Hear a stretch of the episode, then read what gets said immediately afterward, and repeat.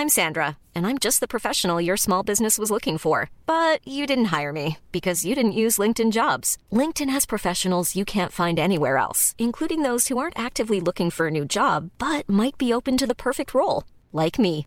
In a given month, over 70% of LinkedIn users don't visit other leading job sites. So if you're not looking on LinkedIn, you'll miss out on great candidates like Sandra. Start hiring professionals like a professional. Post your free job on linkedin.com/people today. Millions of people have lost weight with personalized plans from Noom, like Evan, who can't stand salads and still lost 50 pounds. Salads, generally, for most people, are the easy button, right? For me, that wasn't an option. I never really was a salad guy. That's just not who I am. But Noom worked for me. Get your personalized plan today at Noom.com. Real Noom user compensated to provide their story. In four weeks, the typical Noom user can expect to lose one to two pounds per week. Individual results may vary. Hallå där! Jag tycker det är så roligt att få ge snabba men effektiva tips varje torsdag. Som att man får ge en present i ditt självförtroende. Jag har så länge velat erbjuda en podd man inte bara lyssnar på utan även tar tips ifrån och använder direkt i sin vardag. Tack alla ni som hör av er och berättar att ni får höjda löner, bättre betyg i framställningsteknik i både svenska och engelska och att ni lyckas ge feedback på ett sätt som landade bra. Känner du som lyssnar idag att du missat en massa så finns det en skattkista av avsnitt för att kommunikationen ska bli mycket lättare i din vardag. Idag ska vi tackla konsten att få folk att vara motiverade att lyssna tidigt i ett möte som du håller i. Det är helt avgörande för att inte bara få ut sitt budskap, det ska ju gå in också. Nu kör vi! Det här är veckans retoriktips i Snacka snyggt med Elaine Eksvärd. Jag har i tidigare avsnitt sagt att det är tre känslor man behöver väcka för att få folk att vilja lyssna. Välvilja, nyfikenhet och trovärdighet. Vi har varit inne på välvilja, alltså hur du får folk att tycka om dig. Men idag ska vi prata om nyfikenhet.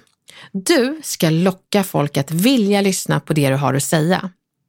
Det finns några fallgropar att undvika och genvägar till nyfikenhet som du kan ta. Först går vi in på fallgroparna. Den här meningen. Jag tycker det här är så kul. Den visar att du är taggad och engagerad och det är inget fel i det. Men eftersom du ska göra folk nyfikna så handlar det inte primärt att smitta dem med ditt engagemang utan förklara för dem varför de kommer tycka det är kul. Så innan du snackar så ska du börja med meningar som du kan kroka fast ämnet i sen. Här är några exempel. Varför du kommer tycka det här är så kul är varför det här är viktig information för er är Idag kommer du få lära dig hur du, är du med? Vill du väcka nyfikenhet till en förändring som du kanske vill ha på jobbet, hemma eller kanske bland vänner så är det inte din glädje och vilja som är nyckeln, utan andras. Så se till att göra det där förarbetet och fråga dig själv varför skulle jobbet tjäna på att göra som jag vill? Sen ska du presentera det precis så.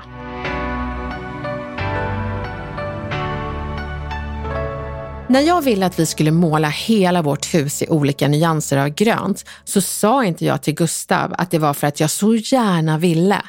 Jag sa heller inte att han minsann fått välja TV. För det där är ju en fallgrop att spela på, men du fick ju känslor. Det väcker inte nyfikenhet eller övertygelse. Det väcker bara en känsla av gnäll och anklagan.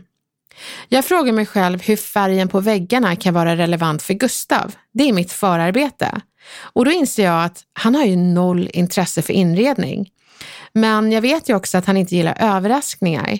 Så jag får motivera hans nyfikenhet med något han håller med om. Och så här gick det till. Jag.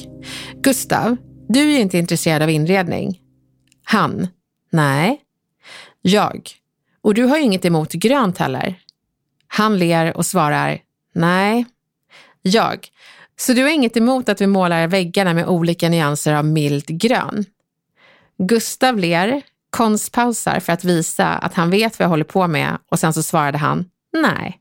Så jag fick både hans nyfikenhet och vilja genom att inleda med något han kunde relatera till och dessutom fick han svara nej istället för ja på mina frågor.